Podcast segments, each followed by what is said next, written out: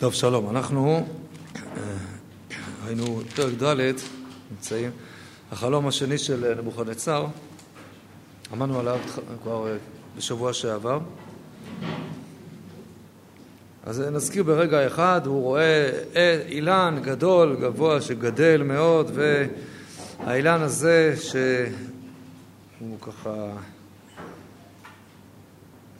גדול וחזק, מגיע עד לשמיים, מראהו עד סוף כל הארץ, הרבה ענפים, הרבה פירות, מזון לכל מי שנמצא בו, החיות, חיות השדה יושבות בצל מתחתיו, הציפורים דרות בין ענפיו, כולם ניזונים ממנו, ואז הוא ראה עיר וקדיש מן שמאי אנכית, איזה מלאך שקרא בקול לקצוץ את האילן, לפזר את הכל וכולי, רק השורשים של האילן הם נשארים, יישארו בארץ, קשורים עם ברזל ונחושת, והעץ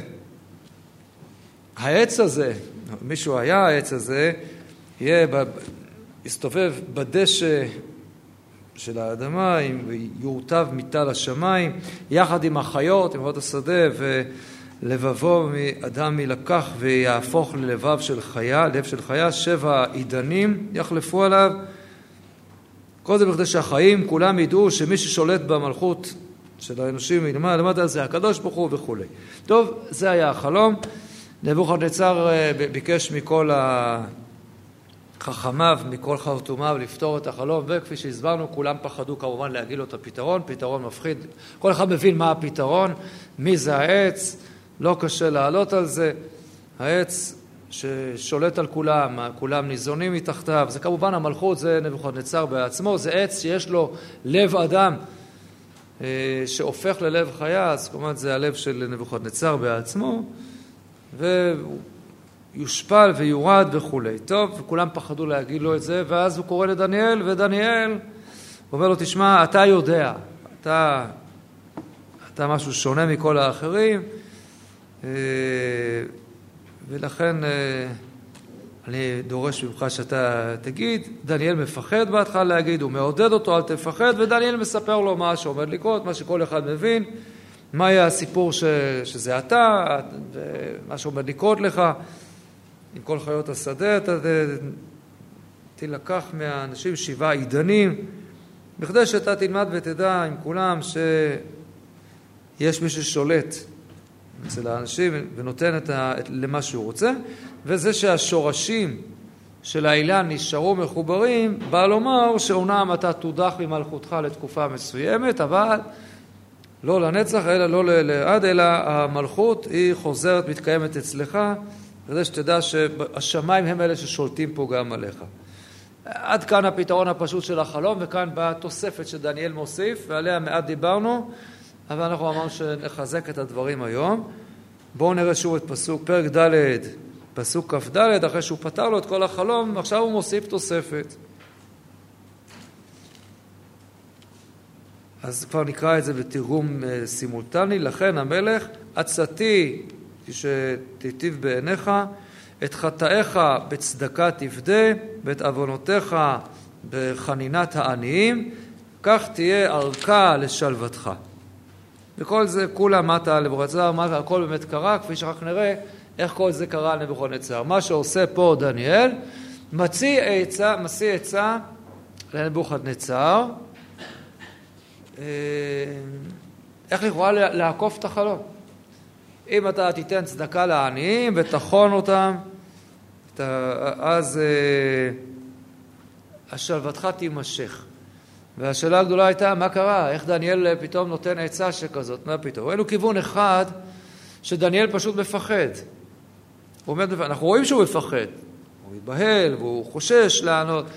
אז כמו שהוא פחד להגיד לו את הפתרון, אז הוא, הוא גם לא רצה להשאיר אותו במצב כזה. פחד להגיד לו הצעה כזאת, שתדע, זה, זה מה שעומד לקרות לך, ולכן הוא רואה צורך גם לתת לו איזשהו פתרון. תיתן צדקה וזה יפתור את הבעיה. טוב, כיוון שני, ראינו שאותו אומר המלבים, שהמלבים, כדרכו לדייק יפה במילים, מצא רמז לכך שאולי הסיפור הזה של הצדקה כבר רמוז כן בחלום עצמו. שהרי בחלום עצמו פעמיים נאמר שיש אה, סיפוק של מזונות מהעץ הזה. בואו נזכיר את זה רגע אחד.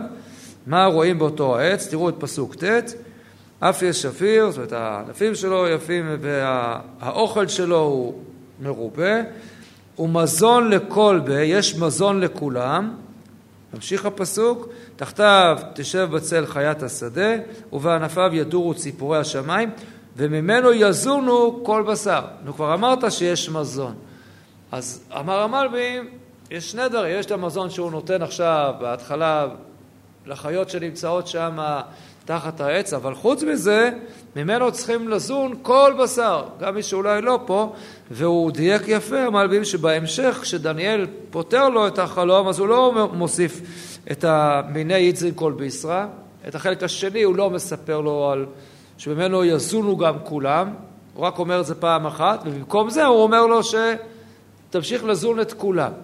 ואנחנו אמרנו שהדיוק הזה הוא בוודאי דיוק יפה וטוב, קשה מאוד להניח שהכוונה היא בחלום בצורה הזאת שהוא היה אמור להגיד לו שזה הפתרון, שהרי מה, למרות שהעץ הזה נותן מזון לכולם, בכל אופן יצא עליו הגזרה של אותו עיר מן השמיים, עיר וקדש מן השמיים, שאמר לחתוך את העץ הזה, למרות שהוא נותן גם מזון לכולם.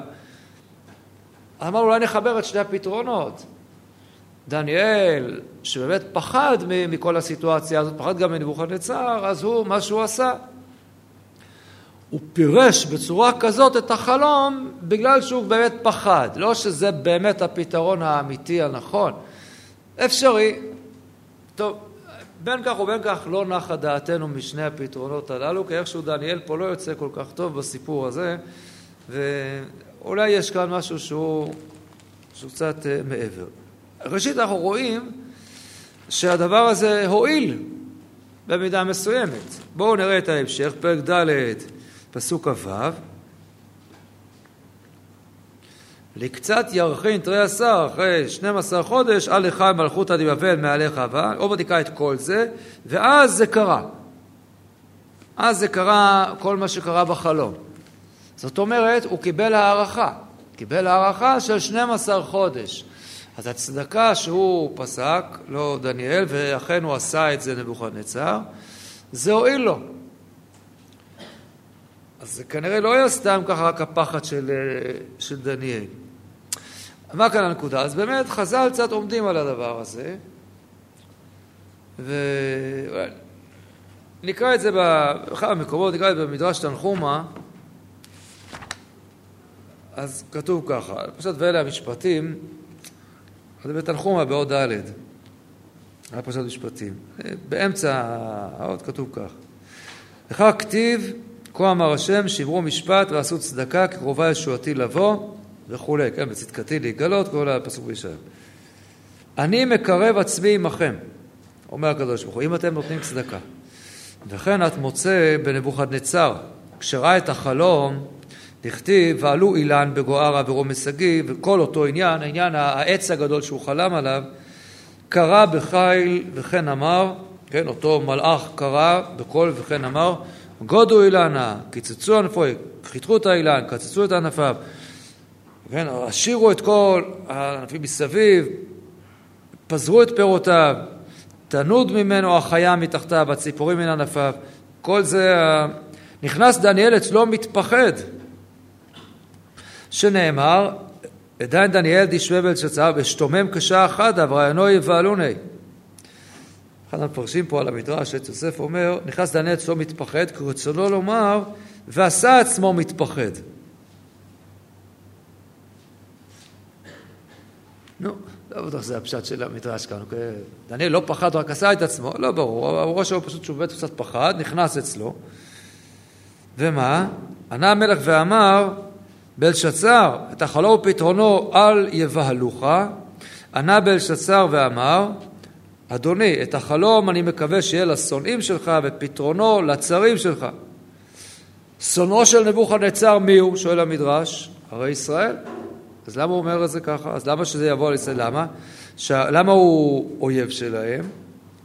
שהרג אותם והחריב בית המקדש והגלה אותם. אלא תלה דניאל עיניו כלפי מעלה ואמר מרי, כאילו ריבונו, ריבוני, הוא דיבר על הקדוש ברוך הוא, לא על נבוכדנצר. החלום ופתרונו התקיים בנבוכדנצר, סונח וערך. כלומר, מה שאומר פה המדרש, שדניאל אמר, ריבוני, אני מקווה שהכל יהיה על שונאיך, כאילו הוא מדבר לנבוכדנצר.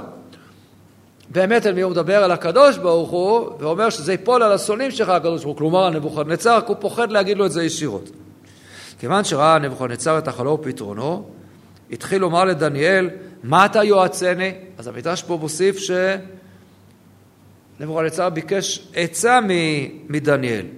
לכאורה זה לא כתוב, אבל האמת היא שזה פשוט מאוד. כפי שראינו, הסיפור של החלום פה, אין יותר מדי מה להתלבט מה אומר החלום הזה. כל אחד מבין את החלום, אז מה הוא רצה? אז הוא רצה פתרון, כפי שראינו, כמו אצל יוסף ופרעה, שהוא גם מציע לו פתרון. אז מה הוא מציע לו? אמר לו דניאל, הללו העניים שהגלית מארצם, רעבים וצמאים, ערומים, פתח להם אוצרותיך ופרנס אותם, אולי תרפא את החלום.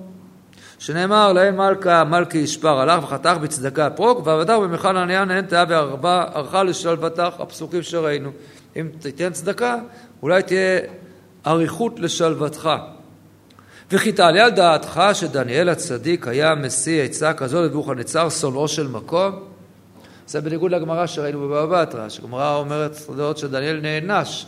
פה הגמרא חושבים שבאמת דניאל היה נותן עצות לנבוכדנצר, שהוא שונאו של מקום, אלא לפי שראה את ישראל, שלפי גולה, כן, בורחים ממקום למקום בגולה, מטולטלים, דבויים ברעב, לפיכך הסיעו עצה כזו ברחמנותו עליהם, על ישראל. לפי שהיודע שלסוף נפשו קניתה עליהם, בסוף הוא כבר אה, יכעס ולא ייתן, אז הוא ביקש לפחות עכשיו. מיד, אז דניאל, מה הוא רצה בעצם? דניאל רצה להרוויח בשביל עם ישראל שנמצאים בגלות בבבל שם, נמצאים בשפל המדרגה, אז הוא נתן עצה לנבוכדנצר כדי שיפרנס את היהודים בינתיים. מיד פתח אותו רשע אוצרותיו וחילק להם 12 חודש. לאחר 12 חודש שכח אותו רשע את החלום והתחיל לטייל על פלטרין שלו, על הארמון שלו. שמע קול המון צעקת העניים לפני אוצרותיו. באו לקבל חלוקת צדקה כמו שהיו רגילים כבר 12 חודש. אמר לעבדיו, מה, מה הקול הזה שאני שומע? מה זה הרעש שצועקים שם? אמרו לו, העניים שהגלית תובעים פרנסתם. זה העניים. מיד נכנס בו עין רעה. ענה מלכה ואמר, הלא דהי, זה המשך, עוד מעט נקרא את הפסוקים אצלנו, הלא, דהי בבל רבתא דיאנה בנתי לבית מלכו בתקוף חסני ולקרי אדרי. אמר, אילולא בית הממון שלי, מהיכן אני בונה המדינה הזו כולה? מה, אני אתחיל לחלק את הכסף לעניים? אני רואה את הארמון הגדול שלי וכולי, ואם אני אחלק את הכסף, מאיפה יהיה לי כסף לארמונות שלי? מיד ציווה ופסק להם. כלומר, פסק שיפסיקו את החלוקה, יפסיק לתת אה, עוד מילתא, מיד, כן, ואז מה קרה? שנאמר עוד מילתא בפומלכה וכולי. אמר לו הקדוש ברוך הוא, רשע, מי גרם לך שלווה כל אותם 12 חודש? הלא הצדקה שעשית. ומה אומות העולם כך, ישראל אחת כמה וכמה, לכך נאמר, כה אמר השם שיעור משפט ועשו צדקה. כלומר ההקשר הוא פה במדרש של, אה, בהקשר למצוות צדקה, הביאו את הסיפור הזה כאן של נבוכדנצר. כלומר, אז חז"ל מספרים לנו שאכן הוא נתן צדקה 12 חודש וזה החזיק. מה היה קורה אם הוא היה ממשיך? אז נראה באופן פשוט שאכן מה? לא היה קורה לו שום דבר. ההצדקה הזאת באמת אה, יכלה לתת לו ערכה. אומנם המדרש רומז לכך שדניאל ידע שזה לא לאורך זמן יהיה, ולכן הוא רצה להרוויח כמה שיותר בינתיים, אבל נבוכדנצר מבחינתו קיבל כאן את ההזדמנות הזאת מדניאל. אז מה הנקודה? אז מה הנקודה שפתאום הצדקה הזאת, צדקה, היא אמורה פתאום להציל? מה זה שייך? מה זה קשור פה לעניין? תמיד צדקה זה דבר טוב, וצדקה תציל ממוות זה תמיד דבר טוב, אבל אני חושב שיש פה משהו אולי קצת יותר יסודי, דווקא בהקשר הזה בסיפור של, של נבוכדנצר. לצורך הדבר הזה, זה שנקרא, בואו נקרא קצת אז את הסוף, מה קרה לו באמת, אחרי אותם 12 חודש? בואו נראה, נקרא סוף סוף את הסוף של פרק ד', סוף הסיפור. אני חוזר שוב לפסוק כ"ו, ושוב נקרא את זה, אני, אני אתרגם את זה אה, מיד. לקצת שני חודשים, 12, על היכל מלכותי בבבל הייתי מהלך. תהיה על הגג הגבוה של ארמונו. ענה המלך ואמר, הלא זו היא בבל הגדולה, שאני בניתי אותה לבית מלכותי בתוקף כוחי ועיקר הדרי. עוד המילה, המשפטים הללו בפה המלך, קול מן השמיים נפל. לך אמרנו נבוכדנצר המלך, שהמלכות תילקח ממך, ומן אנשים אתה נטרד, ועם חיות השדה עבר אה, מגוריך, מדורך, עשב כמו שורים לך יתאימו, ושבעה עידנים יחלפו עליך, עד שתדע ששולט העליון במלכות האנושי, האנשים, ולמי שהוא רוצה הוא נותן אותה. באותה שעה, הדבר הזה, המקרה, המילים עליו, כלומר המשפטים האלה, הגיעו בסופו של דבר לנבוכדנצר, זה קרה לו, ומן האנשים הוא נטרד, ועשב כמו שור, כמו שורים הוא אוכל, מטל השמיים ומהגשמים הוא מתרטב, עד ששערו כנשר התרבה, וציפורניו כמו של ציפורים. שערו כנשר ירבה, אומר רש"י, רסטות בלעז, אולי, משהו כזה. ולקצת ימים, אני נבוכדנצר עיני לשמיים נטלתי, ודעתי עלי התיישבה, ולעליון ברכתי, ולחיי העולמים שיבחתי והידרתי, אשר שלטונו שלטון עולם, ומלכותו עם כל דור ודור. וכל דרי הארץ כולה חש... כלא חשובים, לא... וכרצונו עושה בחיל השמיים ובדיירי הארץ, ואין מי שימחה בידו ויאמר לו מה עשית. אז את כל זה שיבחתי לעליון, בו בזמן דעתי התיישבה עליי ולעיקר מלכותי חזרתי, הודי זיוי חזר עליי ולי השולטן והכבוד הגדול ביקשו ממני ועל מלכותי הותקנתי מחדש ורבותא זאת כוח וגודל יתר הוסף לי, הוסף לי הרבה יותר ממה שהיה לי קודם. לכן אני נבוכדנצר משבח ומרומם ומהדר את מלך השמיים אשר כל מעשיו אמת וכל משפטיו צדק, דין, וכל מי שמהולך בגאווה הוא יכול להשפיל. טוב, אז מה, מה קרה לו פה בדיוק לנבוכדנצר? הוא מתהלך לו שוב על, על גג הארמון ואומר הנה בבל הגדולה לא הספיק להגיד את הדבר הזה, הופ, הגיע הכל מן השמיים, עכשיו הגיע הזמן למה שנאמר בחלום ופתאום הוא נטרד מבני אדם ועבר לחיות עם חיות השדה וככה שבעה עידנים, אה, אכל איתם את העשבים, ומה מה, מה קרה לו בדיוק, איך, איך זה התרחש? אז יש פה כמה וכמה דעות. נקריא לכם רגע מה אומר. אומר אבן עזרא.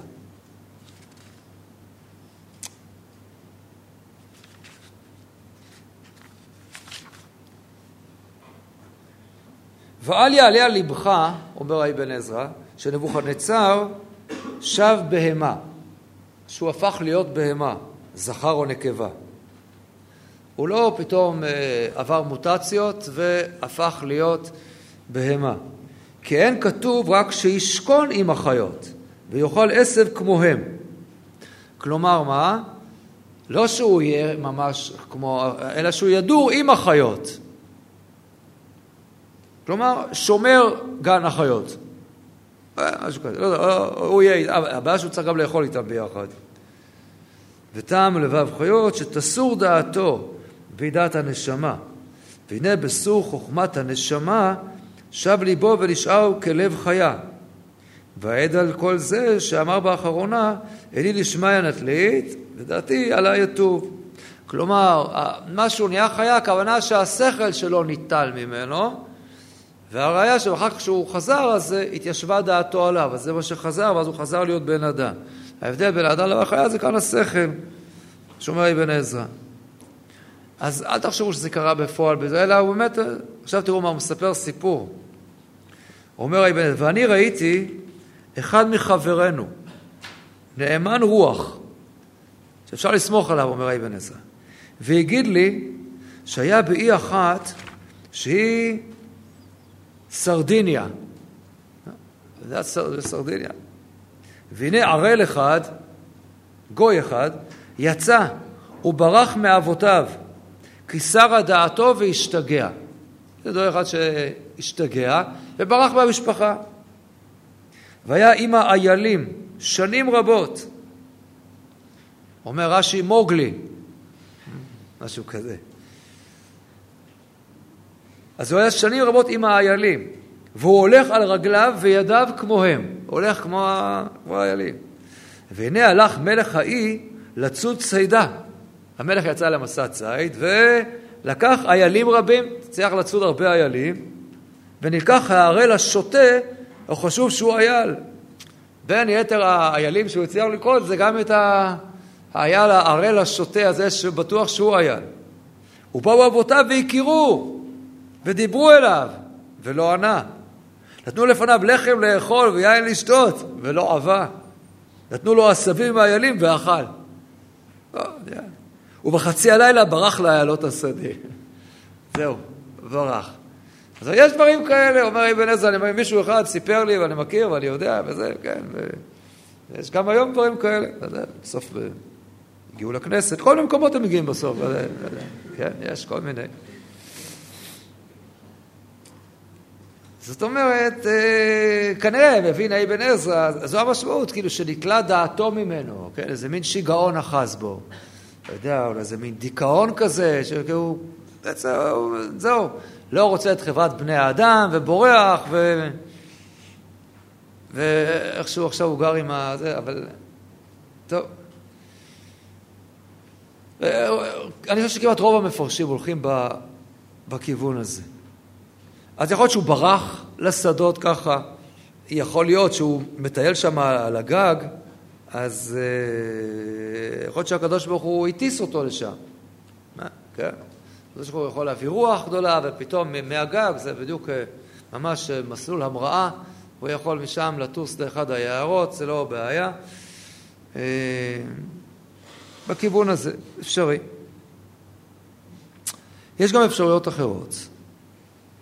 אבל אני רוצה להגיד את זה, אה, דווקא האפשרות הזאת, בדומה קצת למה שאומר בן עזרא, אבל לא כמוהו. אה, יש כאן, יש כאן איזושהי בעיה. אה, כמעט הייתי אומר, זו בעיה שהיא דומה לבעיית אדם הראשון. אדם הראשון. מה בעיית אדם הראשון? מה זה?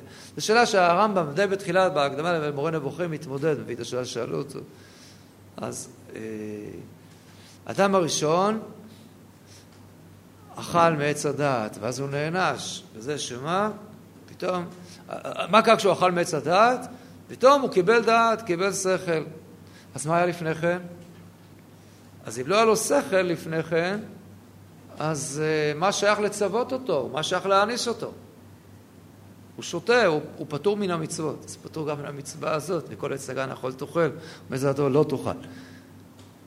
אז, אז כמובן זה לא הגיוני, לא סביר שאדם הראשון לפני שהוא אכל מעץ הדעת הוא היה טיפש ואז הוא אכל מעץ הדעת ונהיה חכם. ודאי שלא. ודאי שלא.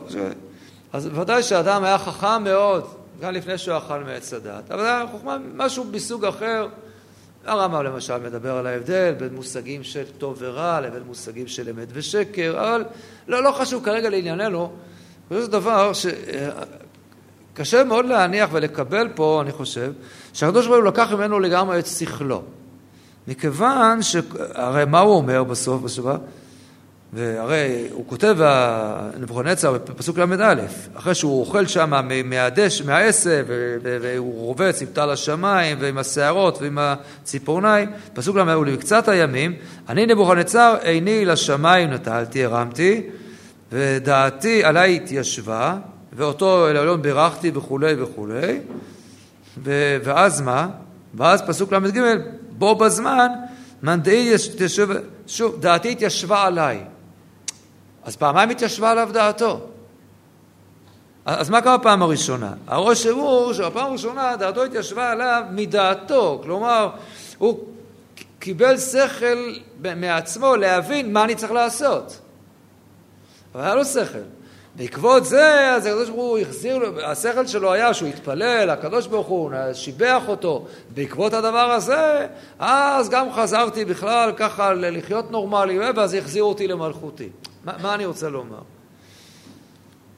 צריך להבין כאן מה, מה, היה, מה, מה ההבדל. מה, אבל לצורך הדבר הזה נשים פה לב לעוד דבר. יש פה עוד פרט בחלום שדניאל לא, לא מגיב אליו. אמרתי אותו כאילו כבדרך אגב. אני קורא שוב בפרק ד', כשהוא מספר נבוכדנצר, את פסוק י"ג. מה הוא אומר בפסוק י"ג? לבבו מלב האדם שבו ישתנה, ולבב חיה, לב חיה יינתן לו, לאותו עץ. ולכן ברור שהעץ הזה הוא משל לבן אדם. עץ עם לב אדם, אומרים לו העץ הזה, אחרי שיחדו מה יקרה לו? יהפכו את הלב שלו מלב אדם ללב חיה. טוב, אז זה נראה אולי הדבר המרכזי כאן, הדבר הכי מביך שיקרה פה לנבוכדנצר, שהלב שלו, שהוא לב אדם, יילקח ממנו, ובמקום זה הוא יקבל לב של חיה. ואת כל זה דניאל לא אומר לו. כשדניאל עכשיו הולך ועובר איתו על הפרטים של החלום ומספר לו מה יהיה, אז את כל זה הוא לא אומר לו, הוא פשוט מדלג על זה. על ה... הרי מה כתוב? ש... מהדשא של הארץ, מיטה לשמיים, ומיד, ואז לבה הלב שלך יתחלף, ושבעה עידנים יחלפו עליך. תראו מה עושה דניאל, איך הוא באלגנטיות רבה מדלג. מה אומר לו דניאל? פסוק כ"ב לך, אותה, אותך יטרידו מן האנשים, אם חיה, חיית השדה יהיה מתוכה, עשב כמו שורים תאכל, מיטה לשמיים יצטווה. עכשיו היה צריך להריץ את הסיפור של ויעשו לך ניתוח לב פתוח, יחליפו לך את הלב. וכל זה הוא מדלג בשבעה עידנים יחלפו עליך. דילג על הקטע הזה, בוקש. למה הוא דילג על זה? אז עכשיו זה מתאים למה שמי שהסביר, כי דניאל מפחד ממנו. אז לא רוצה להגיד לו את הדבר הזה. מה דן יגיד לו? אתה יודע, בסוף לא יישאר לך לב בכלל. ואז מה יגיד לו נבוכדנצר? נכון, אני מרגיש שכבר אין לי לב. ואז הוא יאכל את דניאל. אה, אז הוא פוחד דניאל, אז הוא לא אומר לו את זה. אני לא חושב. אני לא חושב. אין ספק שהדבר הזה, בוודאי, נבוכדנצר יודע אותו. הוא בעצמו מספר אותו. הוא מספר דניאל שזה מה שראיתי בחלום. שיחליפו את לב האדם ללב חיה. אז זה יקרה, אז זה אמור כן לקרות פה. למה דניאל לא אומר את זה? והדבר היותר מפתיע הוא שגם כשזה מתרחש, אז זה לא כתוב שזה קרה. הרגע קראנו את הפסוקים, מה, מה קרה בסופו של דבר? הנה, זה מה שקרה. שוב, נראה את פסוק ל', בא באותה שעה שהוא אמר את זה, אז הדברים קרו לנבוכדנצר, מן האנשים הוא הוטרד, ועשב כמו שור הוא אוכל, מטל השמיים הוא מתרטב, שערו מתרבה כנשר, ציפורניו כציפורים, ואז הגיעו ש... איפה הלב? לא מספרים לנו סיפור הלב. מה, זה לא קרה? בטח שקרה. אני מדלג רגע אחד לפרק ה'. פרק ה' זה יהיה בלש... סיפור על בלשצר, כבר יותר מאוחר. הבן או הנכד של נבוכדנצר, לא חשוב, נדבר על זה עוד. וגם הוא, הוא רואה איזה, איזה מין אה, אה, מראה מאוד מפחיד, עוד נלמד מה זה הדבר הזה, כן, הסיפור של, של הכתובת שכתובה על הקיר, ואז קוראים לדניאל, ואז דניאל מספר לו. מה מספר לו דניאל? תראו את פרק ה', שוב, אנחנו נגיע לשם. אומר לו דניאל, מספר לו מה היה עם אבא שלו, פסוק י"ח, פרק ה', פסוק י"ח. תראו רגע שם מה כתוב. אתה, אני שוב מתרגם סימולטנית, אתה המלך, אלוהים עליון, מלכות, גדולה וכבוד והדר, נתן לנבוכדנצר אביך. ומהגדולה שהוא נתן לו, כל העמים והאומות והלשונות היו רועדים, פוחדים מלפניו, כי הוא, מישהו היה רוצה, היה הורג, מישהו היה רוצה, הוא היה מכה, מישהו היה רוצה, הוא היה מרים, מישהו היה רוצה, הוא היה משפיל. פסוק כ', וכדי הרים לב, כשרם לבבו, ורוחו בגודלה תקפה אותו לעשות דברים אה, רעים מזידים, הונחת מכיסא מלכותו ויקרו הורד ממנו, מבני, מבני אנוש הוא נטרד, ואמצע הפסוק, ולבבו עם החיות נהיה. אה, אז פה כן קרה, אז הוא מספר לבן שלו שאבא שלך, כשהוא עושה, אז הוא, הלב שלו הפך ללב של חיה. אז זה כן קרה. אז למה דניאל לא מספר לו את זה? וזה לא... אז לדעתי זה הסיפור פה של uh, הפירוש, מה זה הלב הזה, לב החיה, ומה כאן העניין?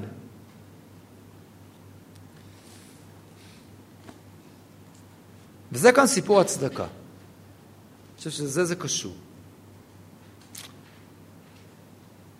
נבוכדנצר הוא מלך. המלך הכי גדול, אמרנו, גדול מלכי התנ"ך. והוא שולט פה על כל העולם. כל ה... בטח בכל האזור הגדול המיושב הזה כאן. והוא מתואר כאן כמו איזה עץ גדול שנותן לכולם, אבל מתברר שזה שהוא נותן לכולם, מלך גדול, השאלה היא, למה הוא נותן לכולם? מצד מה הוא נותן לכולם? לכאורה הוא בסדר גמור. אם העץ הזה שמתואר, עץ כזה גדול, שנוטה ומעניק, ואיזה יופי. אז מה כאן הבעיה? אז למה יוצא כל מהעיר וקדיש משמע אנכית ואמר גודו אילנה? למה לחתוך? מה עשה? העץ הוא טוב, הוא בסדר, אם זה נבוכדנצר. אז כנראה בגלל התיאור, מה מתואר העץ הזה? זוכרים מה ראינו? מה הוא חולם? מה, מה הוא רואה? איזה עץ זה? סוג פרק ד' פסוק ז' וראיתי בחזיון ראשי על משכבי, רואה הייתי, ועלה אילן מתוך הארץ, הארץ, וגובהו גדול מאוד, גדל האילן ונהיה חזק, וגובהו הגיע לשמיים, ומראהו לסוף כל הארץ. אתם מכירים עץ כזה? מה זה העץ הזה? זה עץ שמגיע עד לשמיים. אנחנו מכירים משהו כזה שמגיע עד לשמיים? חדי הזיכרון שביניכם ייזכרו בשיעור שהעברנו לפני פעמיים שלוש. רמז, בבל, נבוכדנצר בבל, משהו גבוה, עד לשמיים, איזה מגדל כזה, אני רואה שאתם מתקרבים להבנה ולזיכרון. הרי ברור שהעץ הגבוה הזה כאן הוא מאוד מאוד מזכיר את אותה תפיסה של אותו מגדל בבל, אצלנו עיר מגדל וראשו בשמיים. וראינו כבר את כל ההקבלות הרבות שיש בין הסיפור של מגדל בבל לסיפור של הצלם בבקעת דורה. וראינו שזו אותה בקעה, וראינו שזה אותו תנור, כל מה שראינו, כל, כל ה... אותו נמרוד, שההמשך שלו, המרידה של נמרוד, ממשיכה במרידה של נבוכדנצר, מלך בבל, זה אותו בבל. מה שדיברנו על זה בהרחבה. וראינו שהצלם בבקעת דורה, הצלם הזה שהוא עושה, הצלם הזהב, זה הניסיון שלו להילחם במה, אתם זוכרים? בחלום הראשון שלו. אתם זוכרים? בצלם הראשון שהוא ראה. באותו חלום ראשון, מה הוא ראה? צלם גדול שרק הראש שלו מזהב. ואז הוא עושה כתגובה לזה צלם שכולו מזהב. החלום הזה כאן זה תגובה, זה תגובה קשה למה שהוא עשה על אותו צלם. אז ראשית, הייתה שם את אותה פדיחה עם, עם התנור, עם חנניה, מישאל ועזריה. אבל עכשיו החלום הזה בא אליו ומעיר אותו, כי הוא, הוא לא ויתר עדיין על התפיסה המעוותת שלו. אני נמצא עד לשמיים, ואני, מצודתי פרוסה על כל הארץ, אז אני האלוקים. אני נוטה ואני בצורה כזאת. אז בוודאי שמי שחש בצורה הזאת, אנחנו יודעים. אז אם הוא היה, נגיד, מלך רב חסד, אז עוד, עוד, אולי אפשר להניח שאומנם יש לו שיגעון גדלות, אבל לפחות הוא עושה את זה בשביל להשפיע שפע טוב. אבל אנחנו זוכרים מה היה בתנור הזה בבקעת אה, דורה. מה הלך שם בתנור? או מי הלך שם? זה היה מאוד מאוד דומה לטקס בירושלים היום. כל הראשים וכל השרים וכל הנשיאים כולם, וברגע שיש את המשרוקית והפסנתרין והתזמורת, כפי שראינו, כולם צריכים להשתחוות. ומי שלא, מנגל. זה מה שהיה שם. והושלכו שם אנשים רבים לתנור האש. כל מי שלא משתחווה לפסל בדמותו, בצלמו של נבוכדנצר. אז העץ הזה זה שוב אותה תפיסה. חסד לאומים חטאת. זה מה שהוא עושה פה, זה, זה לא... ש... כי הוא מלך גדול וזהו, הוא באמת עצוב כזה, פתאום לכולם יש, יש מה לאכול ולשתות ולהתפרנס, כי הוא לקח שלל מכל העולם. הוא החריב את ירושלים, החריב את כל, ה, את כל, המל... את כל המדינות שם, הוא השתלט עליהן וכבש, לקח מהם הכל. אבל זה לא מתוך איזה חסד גדול שהוא עושה. והשאלה היא מה, מה, מה הרגשות, מה, מה הוא חושב, מה הוא חש, אותו מלך גדול ואדיר. האם עכשיו הוא מבין שהמלכות עניינה לתת ולהעניק הזדמנות, או שבדיוק להפך, זו הזדמנות לממש את כל התאוות שלו. עכשיו הוא יכול לעשות מה שהוא רוצה, אף אחד לא יכול להגיד לו מה לעשות. מה שאתה רוצה, בלי חשבון, בלי מוסר, בלי ערך, בלי שום דבר.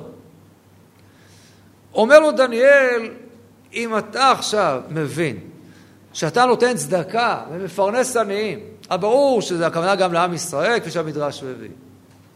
אז אתה לפחות נותן הצדקה מסוימת למלכות הגדולה שקיבלת, כי זה הפך להיות משהו שאתה איתו משתמש לטובה. ולכן באמת זה מה שדניאל מציע לו. הוא אומר, החלום הוא חלום, פתרתי לך את החלום, עכשיו זה תלוי בך. החלום הזה שנאמר לך, אם אתה עכשיו הולך ונותן צדקה, אז לא צריך לחתוך את העץ הזה. כי אתה רק חתכת את העץ, זה כבר לא אותו עץ חוטא וגאוותן. אז אתה הופך להיות עץ שנותן. אז אפשר לחסוך ממך את, ה, את הדבר הזה. אבל אם אתה לא תעשה את זה, אז יתברר שאכן, שאכן כן. והשאלה, מה עם נבוכדנצר? אז נבוכדנצר הוא מאוד נבהל. הוא כבר, כבר, יש לו סיבות טובות להיבהל, הוא מפחד גם מדניאל, כפי שראינו. זה אותו מלאך שהסתובב שם בתוך התנור, אבל גם בלי זה, אחרי שהוא פתר את החלום הראשון שלו, הוא, לא, הוא בלחץ מדניאל. ולכן הוא בהתחלה מוכן, והוא נותן. אבל זה לקח פרק זמן מסוים עד שזה נרגע, עד שזה עבר לו. מכיוון שמה שהוא באמת באמת רצה זה לא את זה. וזה מה שהמדרש מספר על שאומר, מה, מה זה העניים האלה, מה פתאום? זו בדיוק הנקודה. וזה בעצם ממש כתוב פה בפסוקים. תראו מה כתוב על ה... שהוא מטייל, איך זה נגמר. פרק ד', שוב אני חוזר, פסוק כ"ו.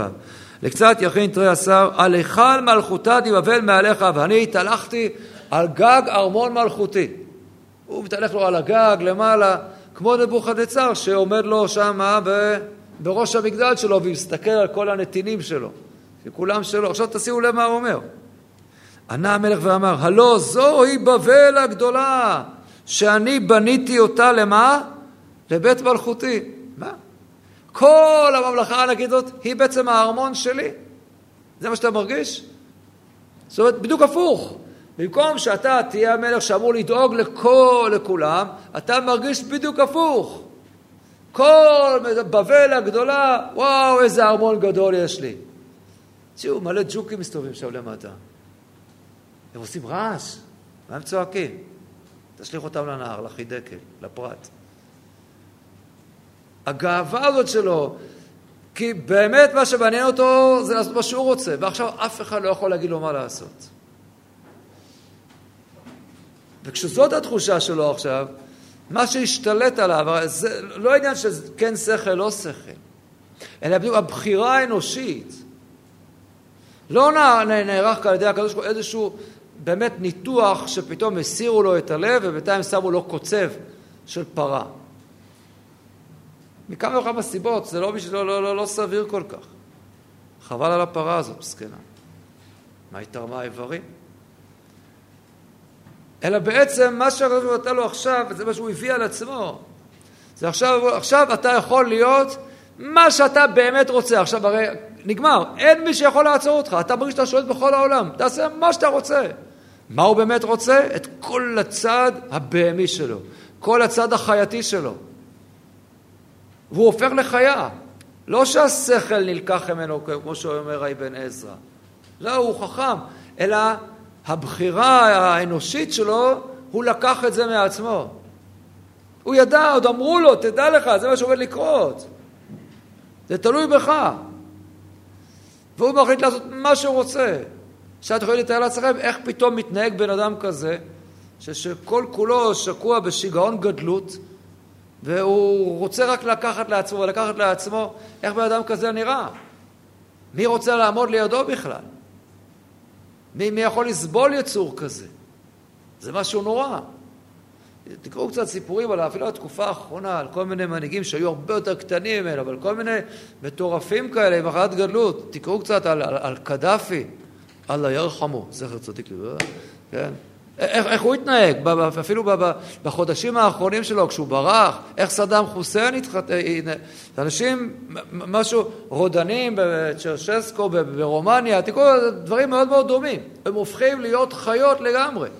כי פתאום אין להם, אף אחד לא עוצר אותם, אז אין, אין לב אנושי יותר. הלב האנושי הוא כל עוד הוא עושה חשבונות, זה כדאי לי, לא, פתאום כשהוא לא צריך, אז זה מה שכאן קרה. אז זה לא משנה עכשיו אם הקדוש ברוך הוא העיף אותו באיזושהי רוח, או שהם או שהעיפו אותו, שלחיילים שלו נמאס ממנו, או שפעם אחת הוא יצא והלך להשתכר איפשהו ואז סגרו את הדלת והוא לא מצא את הדרך חזרה ולא הסכימו להכניס אותו, לא, לא יודע, אפשר לתאר כל מיני דמיונות. או שהוא פגש את חבר שלו אבן עזרא הזה, לא, לא יודע איך זה בדיוק קרה, זה לא כל כך משנה. הוא, הוא, הוא, הוא פשוט נהיה חייתי לגמרי.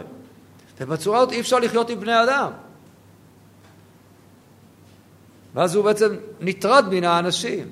הוא מגדל שערות עכשיו, למה שיקצר למה שיסתפר את עצמו? מה, חיות uh, מסתפרות?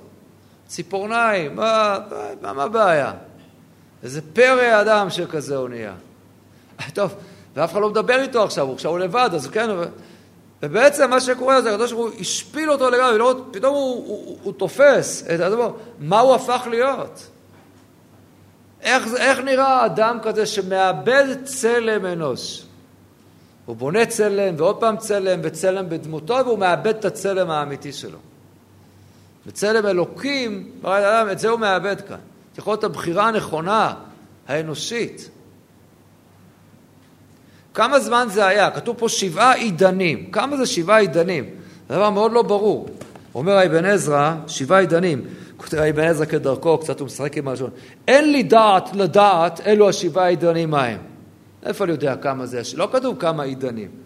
אם ימים או שבועים או חודשים או שנים, ולהיותם ימים או שבועים, אין זה נכון. בעבור שכתוב, עד יסרק גדי של רבא. והגאון אמר שהם חודשים, ולפי דעתי שהם שנים. כמו עדן ועידנים, פלאג ועידן, שכתוב בהמשך. הוא מתלבט בדבר הזה. אבל באמת לא כתוב כמה זמן, כמה עידנים. ולעניות דעתי הפשט הפשוט הוא, מה זה שבעה עידנים? הכוונה מה? כמה? שבעה עידנים. אותה גימטריה. מה זאת אומרת שבעה עידנים? שבע תקופות. כמה? במה זה יהיה תלוי? תלוי בו. תוך כמה זמן הוא יתעורר ויתעשת. ונבוכדנצר מתנהג בצורה, ופתאום עד שהוא חש את, את הגועל ממצבו. כמה אתה יכול לספר בדיחה לאיזה סוס בשדה והוא עושה לך פרצוף של ארנבת, הוא לא מבין מה אתה אומר לו. זה לא כיף לחיות ככה, זה לא... הצורה החייתית, אז עם החיות, אני מתאר לעצמי שהוא גם תמיד זה שאחרון השיג את הציד, אז הוא אוכל רק את הדשא מסכן. אחרון במקלחת תמיד. הוא מתרחץ שם, זה כן, מיטה לשמיים. בנחל ההיפופוטם קודם לו. לא יודע איך בדיוק זה עבד שם הג'קוזי. הוא, הוא, כשהוא, הוא השפיל אותו לגמרי. לא, אתה רוצה להיות חיה? אז בוא תראה מה זה חיה עד הסוף. ועד שעברה התקופה המסוימת של נבוכנצר בעצמו, בדעתו, כי הוא לא איבד דעתו. הוא קלט שלהיות חיה ולא בן אדם זה לא, זה לא מה שהוא רוצה. ופתאום הוא קלט שהוא כבר לא יוכל לחזור, משהו, ואז בשכלו את זה הוא תפס. ולמקצת ימים, אני נבוכנצר, עיני לשמיים הרמתי. ודעתי התיישבה עליי, וברכתי את העליון, וכלל שיבחתי והידרתי, שהוא, השלטון שלו הוא שלטון עולם ומלכתו לכל דור ודור. כל דרי הארץ כולה חשובים. כן, כלא חשובים. למי שהוא רוצה, הוא שהוא שולט בחיל השמיים. פתאום, פתאום תפסתי את אפסותי. אני שעמדתי על הגג, על גג העולם, ככה הוא הרגיש. כי פשוטו, הוא עובד על גג כל העולם. כל העולם פרוס תחתיי, כל העולם לא נועד אלא לשרת אותי. הנה, וואו, בבל הגדולה, זה הארמון שלי. הנה נהר, הנה נהר הפרת. האמבטיה שלי. איזה יופי. הנה הכנרת, הקולר שלי. זה מה שהוא מרגיש. לא, בצורה כזאת, אה, זהו, כי אני עומד על הגג, כמו העץ שמגיע עד לשמיים. שולט, מגיע לכל הארץ, לכל העולם. זה מה שהוא הרגיש. ובתחושות הללו שכבר, אה, אה, אז מה יש לי עוד להגיע? הכל הכל משהו גשמי בלבד. על הדבר הזה אתה נופל. וכשהוא קולט בסופו של דבר, מי אני, מה אני בכלל?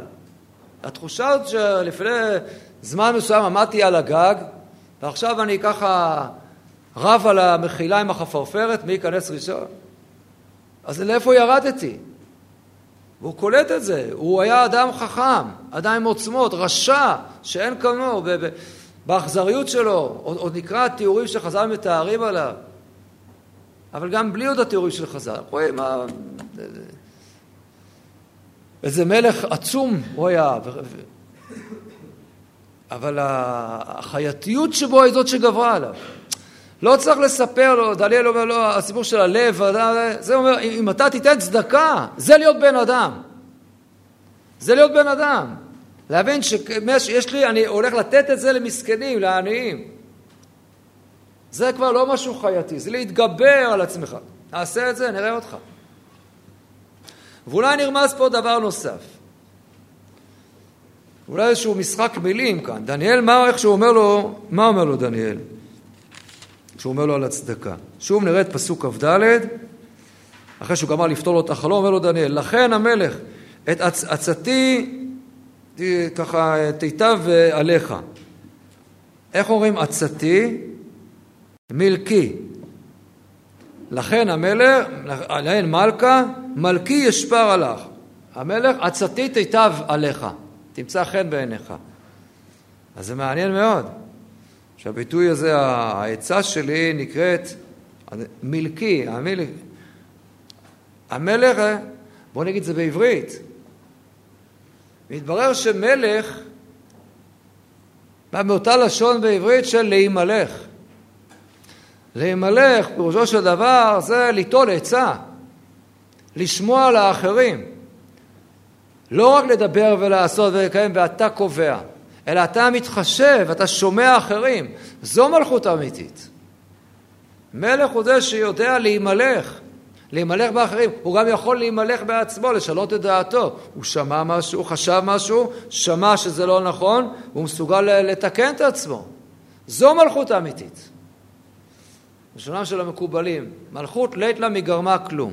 המלכות היא לא מצד עצמה, היא אך ורק דבר שאמור לאפשר. המלכות היא לא המטרה, היא האמצעי. היא האמצעי לתת ולהעניק, ול... לזה הקדוש ברוך הוא נותן מלכות. אתה יכול להיות מלך עצום שכולם נהנים ממך, אבל אם התפיסה שלך היא עקומה, שבעצם לא אתה נותן, אלא הם כולם ככה אמורים לתת לך את הכבוד והיקר והעוצמה, אז אתה עץ גדול חוטא. ואת העץ הזה צריכים לכרות. יש פה משהו אמיתי אצלך, יש נקודה. יש שורש שנשאר באדמה, אתה אמור לחזור למלכותך. נצטרך עוד לראות למה. למה כל כך חשוב שנבוכדנצר יחזור ויכיר וידע. שוב ושוב זה חוזר בספר, אבל קצת דיברנו על זה בהתחלה, ועוד נחזור לזה.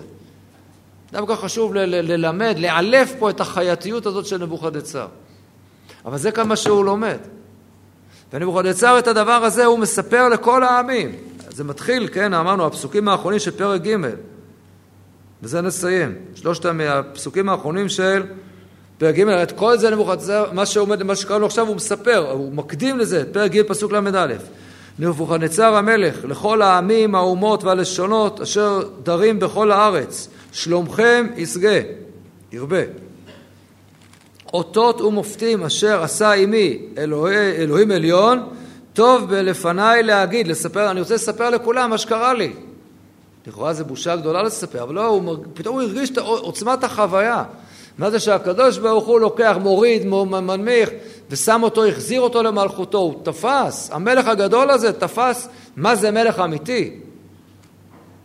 אותותיו כמה רבים ומופתיו כמה חזקים, מלכותו מלכות עולם ושלטונו בכל דור ודור.